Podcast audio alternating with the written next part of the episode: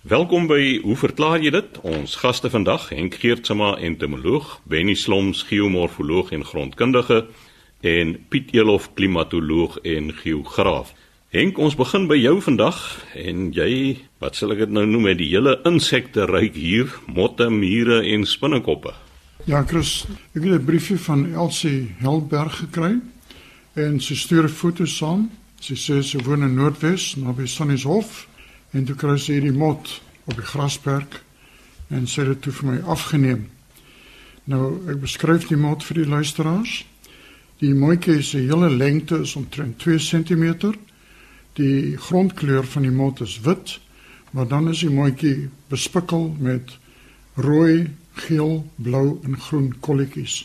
So dit lyk amper soos wat die Engelse praat van thousand and ones wat op 'n koek gestrooi word.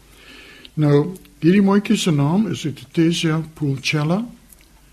Die mooitjie is interessant, kom wyd versprei oor die ou wêreld voor, met ander woorde in Afrika, Europa en Asië. Maar dan is daar verwante spesies wat in die nuwe wêreld voorkom, Amerika, Noord- en Suid-Amerika. Die larwes is redelik algemeen, is harige larwes. Die larwe wanneer die larwe groot is, is dit so 4 cm lank Hulle voed algemeen op onkruide, gras en dan ook op malvas. Dit is redelik volop in die herfs wanneer mense deur die veld loop en jy versteur nou die plante groei dan sien jy die mooitjies wat skielik opduik, 'n entjie vlieg en dan weer gaan sit. Interessant, hierdie mooitjies word nie na die lig aangelok nie, so hulle is definitief dagaktief. Maar dit lyk my is net dagaktief as hulle versteur word. So, Elsie, baie dankie vir die foto's, 'n baie mooi foto eintlik. Maar die mot is nie 'n baie skaars mot nie. Dis 'n redelik algemene mot reg deur Suid-Afrika ook. Dan die tweede brief wat ek gekry het, is van James Wendell van Durbanville. En hy sê my vriend Pieter sny bome af vir 'n lewe. En hy het die volgende interessante vraag. So dis 'n indirekte vraag, hierdie. Soms is daar 'n klomp mure op 'n boomstam wat hy wegry na die munisipale stortingsterrein buite Kraaifontein in die Kaap.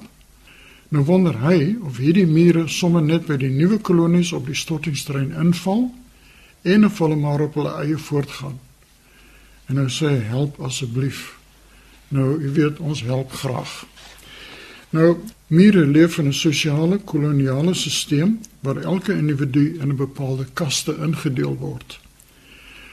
So kry mense die koning, koningin kaste, met ander woorde wat verantwoordelik is vir voortplanting, die soldaatkaste wat verantwoordelik is vir die verdediging van die nes en die werkerkaste wat nou elkeen verskillende funksies het. Byvoorbeeld die nes skoonmaak, die nes bou en die eiers en die kleintjies versorg. So elke kaste het 'n eie soortige funksie. Wat ook interessant is, die werkerkaste hierso is net wyfies. Die mannetjies is gewoonlik die aggressiewe die soldate. So mense kan amper 'n vergelyking tref met heuningbye waar die werkerbye ook net wyfies is. Nou die mure op die boomstam is werkers wat dan hoogs waarskynlik op soek is na kos vir die kolonie self. Nou elke kolonie is op sy eie en besit 'n eie soortige reuk. Met ander woorde, 'n vreemde muur sal nie baie maklik kan inskakel by 'n kolonie nie as hy nie van dieselfde reuk is nie. Nou die muur op die boomstam is afkomstig van 'n ander kolonie en sal eintlik deur die kolonies op die stortingsterrein as indringers beskou word en verjaag word. So die boomstammure sal uiteindelik uitsterf tensy van hulle eiers en hulle besit gehad het en 'n nuwe kolonie kan stig of dat een van die wyfies 'n ontwikkeling ondergaan om eiers te kan lê. Maar die probleem is, daar's dan nie mannetjies om die eiers te bevrug nie. So in hierdie geval die mure op die boomstam gaan 10 te 1 verdwyn. Net uitsterf want daar is nie meer 'n kolonie om hulle te onderhou nie. Die volgende vraag, eintlik 'n foto, is baie eenvoudig. Dit kom van Elise van Sail van Bloemfontein Sy sê sy stuur 'n foto van 'n perfekte exoskelet wat sy in 'n buitekamer gekry het. Sy sê ek was verstom toe ek die doppie sien waar dit oorspronklik opgebars het en die agt gaatjies sien waar die pote waarskynlik uitgeklim het. Selfs die kake is volmaak. Nou stuur Elise vir my daar 'n mooi foto daarvan. Nou die velletjie wat sy daar gefotografeer het, is die van wat die Engelsman noem 'n wolf spider of 'n gewone tuinspinnekop. Dit behoort tot die familie Lycosidae en daar is omtrent 100 spesies daarvan in Suid-Afrika. Maar toe ek hierdie foto en die kort briefie lees, dog ek wag so 'n bietjie. Hier is baie meer om oor te gesels. Nou spinnekoppe, net soos insekte en verskeie ander geleedpodiges of arthropoda, soos 100 1000 pote, skorpioene, krewe en krappe, besit almal 'n eksoskelet, 'n buiteskelet in teenstelling met ander diere wat 'n endoskelet besit. Nou die eksoskelet is 'n stewige, harde buitedop wat beskerming bied teen uitwendige faktore soos uitdroging, die grootste probleem by geleedpodiges en teen vyande. Aan die binnekant van die eksoskelet is daar talryke riwe en uitsteeksels waaraan die inwendige organe en spiere geheg is. Omdat die eksoskelet verhard is, bestaan dit uit verskeie segmente wat beweging van die geleedpodiges toelaat. Wanneer die spinnekop of insek uit die eier uitbroei, is die eksoskelet aanvanklik sag, maar word vinnig hard om die jong dier sodoende te beskerm. Maar soos alle jong diere vind groei plaas. Met ander woorde, die liggaam word groter. Die probleem is nou dat die binnegedeelte vasgevang is in 'n harde eksoskelet, 'n harde dop. Gelukkig is daar 'n oplossing wat ons as 'n vervelling bestempel. Wanneer die jong spinnekop 'n bepaalde groeistadium bereik, word die harde dop van binne af sag gemaak en vorm onder die dop 'n nuwe vel. Die nuwe vel lê dan onder die buitedop en wanneer die spinnekop gereed is om te vervel, bars die ou vel oop gewoonlik net agter die kop en kruip die spinnekop of insek uit sy ou vel en is nou bedek met 'n sagte, gerimpelde vel. Nou word of lug ingeneem of deur hidroliese druk word die nuwe vel amper soos 'n ballon opgeblaas en vergroot die buitedop. Nadat die vel gerek word, droog die vel en verhard om sodoende weer beskerming te bied aan die liggaam met sy organe en spierweefsels. Tydens die vervellingsproses is die spinnekop of insek baie kwesbaar en vervelling gewoonlik vind plaas in 'n beskermende omgewing of in die nag. Want as jy vervel en jou velletjie is sag, is jy 'n baie maklike prooi want jy kan nie beweeg nie. Die ou vel word afgegooi soos 'n droë dop, soos getoon deur die foto van 'n les van seil. Omdat spinnekoppe nie kan vreet nie, hulle suig hulle prooi uit, word die vel gelos net waar dit vervel het. In die geval van insekte word die ou vel dikwels opgevreet omdat die vel of exoskelet baie proteïene bevat, iets wat skaars is in die voedselpakket van plantvretende insekte. So net 'n kort fotootjie, kort kommentaar, maar ek kon daarom ietsie vertel oor die proses van vervelling. Baie dankie Elise. Ek net uh, twee dinge wat my opgeval het en wat my interesseer. Die hele kwessie van vervel by die insekte wat jy genoem het, dan het ons ook 'n situasie by voëls. Ek was bewus van kolganse wat verveer in so 'n mate dat hulle eintlik nie kan vlieg nie en uh, dan is hulle redelike maklike prooi vir mense wat hulle graag sou wou in die hande kry. Die tweede ding wat my interesseer rondom die hele kwessie oor mure is dat die termietneste verskil wat ons baie keer hier in die Karoo sien, die geronde ene wat die ertvarke so vol gate maak in vergelyking met van die muurshope wat ons sien in Namibië en wat ek alselfs in Kenia in die Masai Mara waargeneem het. Is dit verskillende soorte termiete? Hoekom verskil hierdie kom ons sê die muurneste wat ons bo kan die oppervlak sien. Praat jy muurneste of termietneste? Termietneste dan. Ek... Ja, en as 'n verskil muurneste is gewoonlik in die grond, maar nie altyd nie. Nee, ons het in Suid-Afrika daar's 'n trend 5 termietfamilies. En elke familie het sy eie besondere manier van nesmaak of wat ons noem 'n termitarium. Dis nou die kolonie van 'n termiet. 'n Mens kry byvoorbeeld die gewone grasdraadtermiete wat algemeen is. Nou hulle tekens is eintlik net gewoonlik 'n gaatjie in die grond, gewoonlik net voor 'n reën of wanneer jy 'n klomp plantmateriaal sien rondom 'n gat, dan weet jy maar hulle het nou voedsel begin indra. Nou hulle neste is ondergrond en dit kan groot wees. Nou gewoonlik word 'n termietnes geregeer in aanhalingstekens deur 'n enkele koningin, maar die grasdraadtermiete kan tot 20 koninginne hê. So die kolonie daar kan eintlik oor 'n hele groot afstand versprei wees. Dan kry mens die termiete wat nou hierdie hoë termitarie bou wat nou lyk soos amper gebergtes kan jy sê daar is van hulle wat tot 9 meter hoog is so dis groot die neste kan tot 100 jaar oud wees en natuurlik bevat miljoene miljoene individue dan kry mens houtvredende termiete ek het te doen gehad met 'n geval van 'n vleuelklavier in die Durbanse museum net skielik aan mekaar getuimel het En omdat ek destyds gewerk het in die Navorsingsinstituut vir Plantbeskerming, was ek 'n houtentomoloog. Het ek gaan kyk na die probleem en wat daar gebeur het is omdat in 'n museum staan materiaal gewoonlik stil, stabiel. En jy weet enige insek verpes verstoring. Maar omdat hierdie klavier nou mooi stil gestaan het, het hierdie houtvredende termiete wat van Asië afkomstig is wat ingevoer is eintlik deur die plankvloer in die poot van hierdie klavier begin 'n tonnel en hulle nes daar gebou. Nou hierdie houtvredende termiete word gekenmerk deur baie klein kolonies van 10 tot 50 individue. Maar hulle is gedurig besig om van die hout te verwyder, te vreet. Kyk, hulle kweek swamme van die hout af. En kyk, 'n vleuelklavier is nie 'n ligte dingetjie nie. En ek dink op 'n stadium moes die poot net meegegee het en daar val die hele klavier. Ek het van hierdie houtvredende termiere wat ingevoer is al in muurproppe gekry. Jy weet in die ou tyd het mense as jy 'n prent opgehang het, 'n gat in die muur geboor en dan die houtprop ingesit. En dan 'n spykertjie en dan hang jy jou portret op. Nou in een van daai muurproppe het ek al so 'n kolonietjie gekry. So verskillende spesies, hoeveel spesies termiete in Afrika is, Weet ek nie, maar daar moet baie wees. Ons praat van honderde spesies eintlik.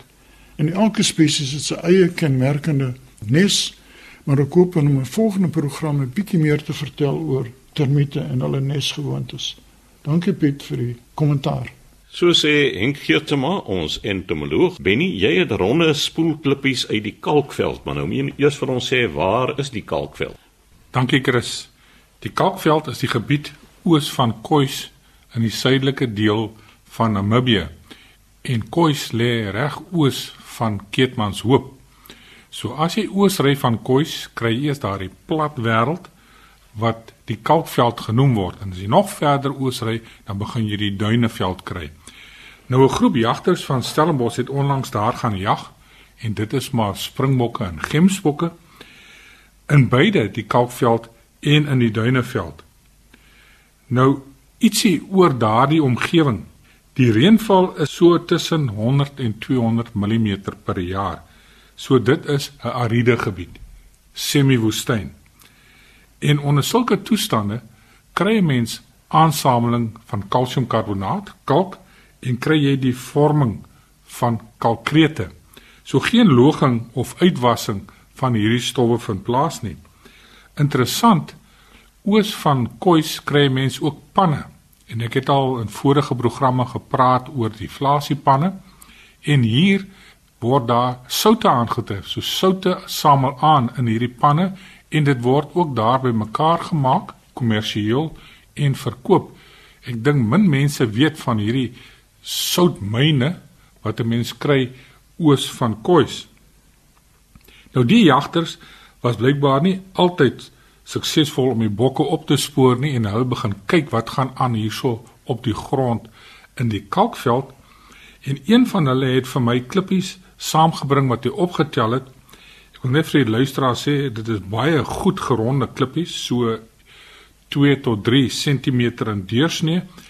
Maar wat baie kenmerkend is hier, wat is nie kenmerkend nie wat dalk die jagters geflous het, is dat hierdie klippies het 'n rooi-bruin kleur buiteom. Dit lyk amper soos 'n klein aardappel. Nee nee, ek wou nou net sê dit lyk nou soos hierdie broek en baadjie aardappels wat 'n mens gaar maak, so met die skille en al. Heeltemal reg. Ek het dit uh, dadelik geëien as kwartsklippies en ek het een van hierdie klippies gevat en stukken geslaan met my geologiese hamer en ek kan hierso vir die uh, deelnemers hier rondom die tafel wys. Sodra jy nou aan die binnekant van hierdie klippie sien, dan is dit baie duidelik kwarts. Nou die vraag is, waar kom hierdie geronde kwartsklippies vandaan en hoekom het hulle hierdie rooi-bruin kleur buiteom? Dit is nie die normale kleur van kwarts nie. Nou hierdie kwarts is afkomstig vanaf nate, are, krake vanuit die onderliggende gesteentes. Nou in daardie gebied oos van Khois kry jy mens gesteentes van die opeenvolging Damara. Dit is baie ou gesteentes, ouer as 600 miljoen jaar. En jy kry ook daar Karoo gesteentes wat nou jonger is. Dit is nou 300 miljoen jaar en jonger wat daar voorkom. In beide kry jy mens sedimentêre gesteentes, sandstene en skalies en in hierdie sandstene en skalies kry mens die kwartsare. So die oorsprong van die kwarts is natuurlike verweringsprosesse en hierdie kwarts het natuurlik ook vrygekom vanuit die skalies en sandstene. Uit die aard van die saak was hulle aanvanklik toe hulle daar losgekom het uit hierdie are uit, was hulle hoekig geweest. Maar hierdie klippies is pragtig rond. En soos luisteraars dalk sal weet, daar is net een manier waarop klippies so mooi gerond raak in die natuur en dit is deur die werking van water. So hierdie kwartsbrokstukke is vervoer deur water.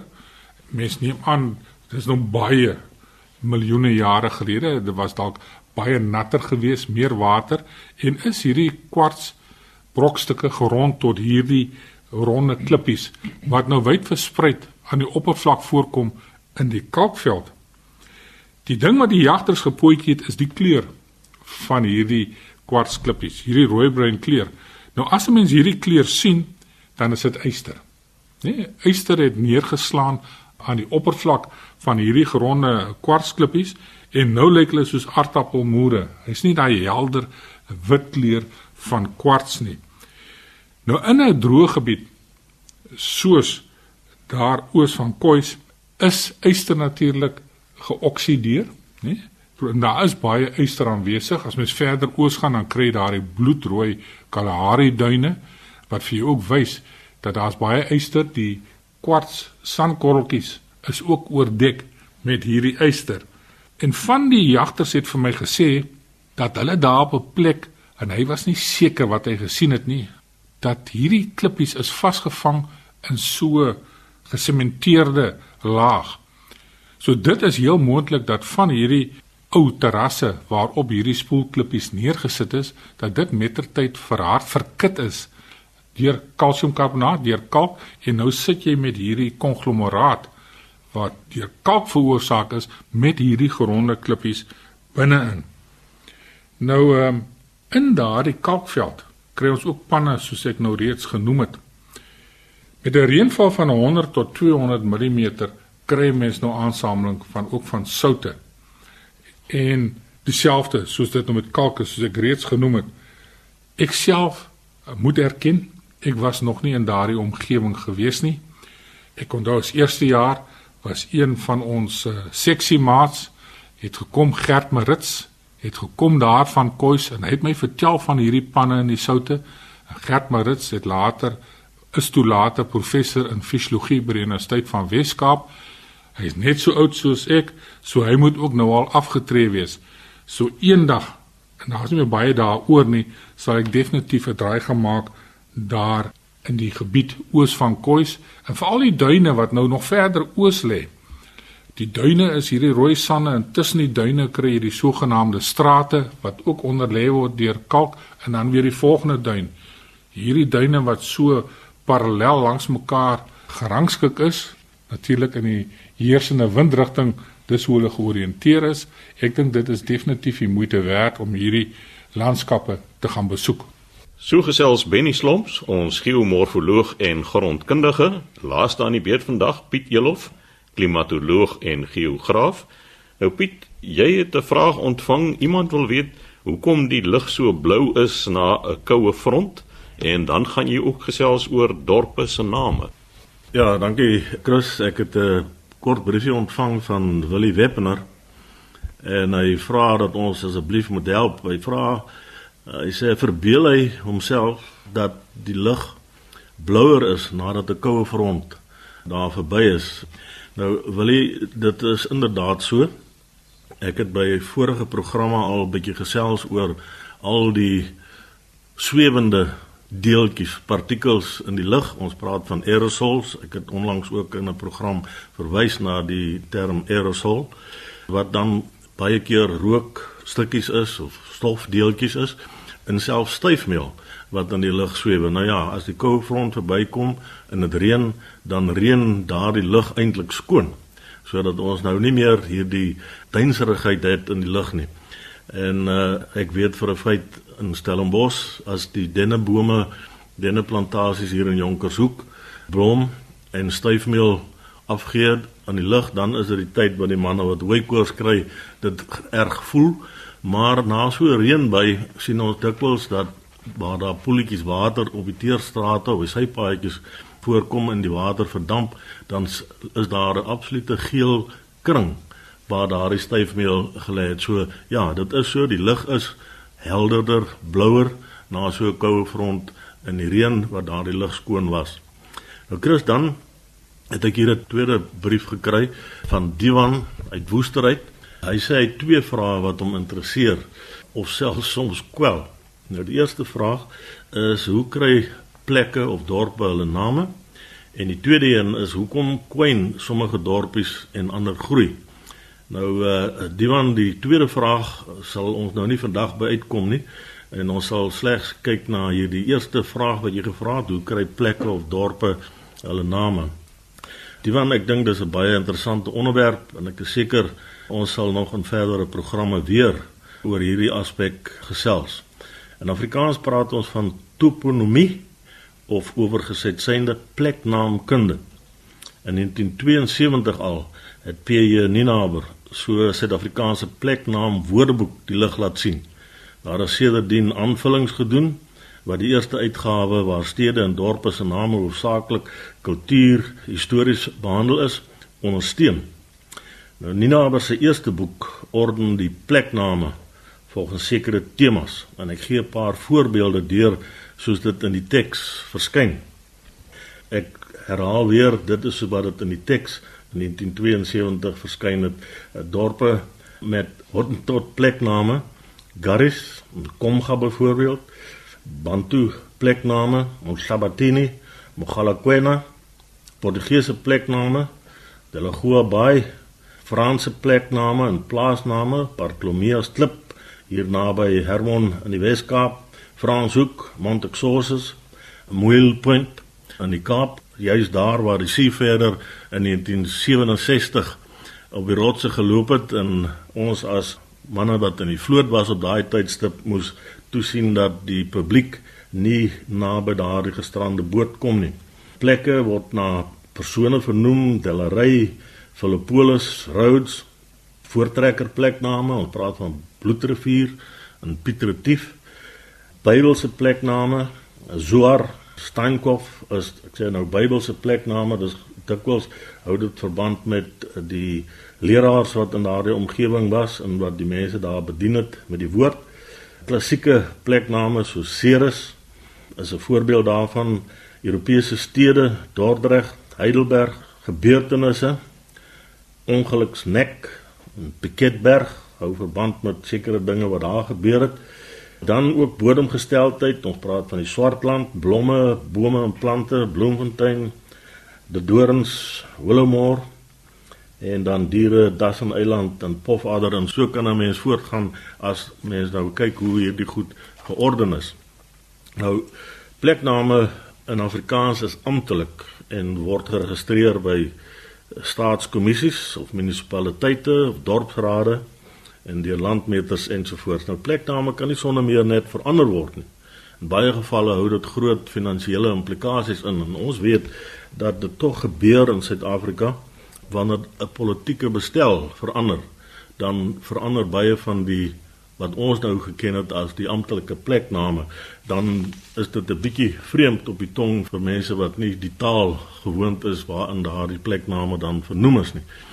Dan byvoorbeeld ook provinsies se name het verander.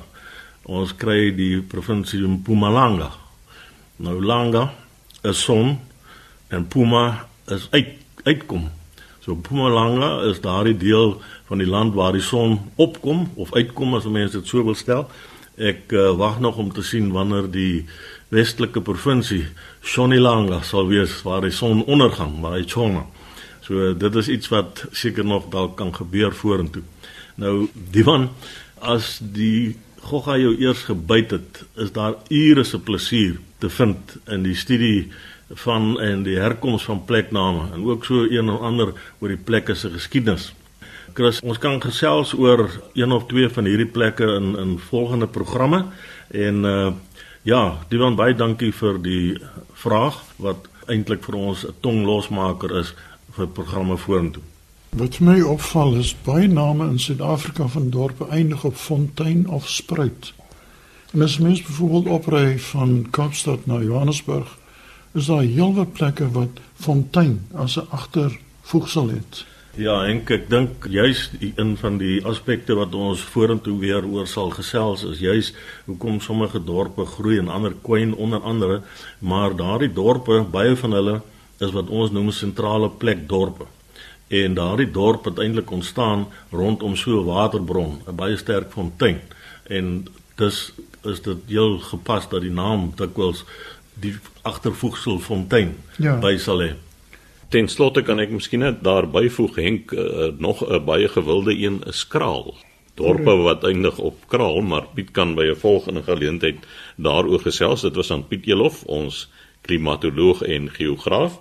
Die tyd het ons ingehaal. Skryf gerus aan, hoe verklaar jy dit?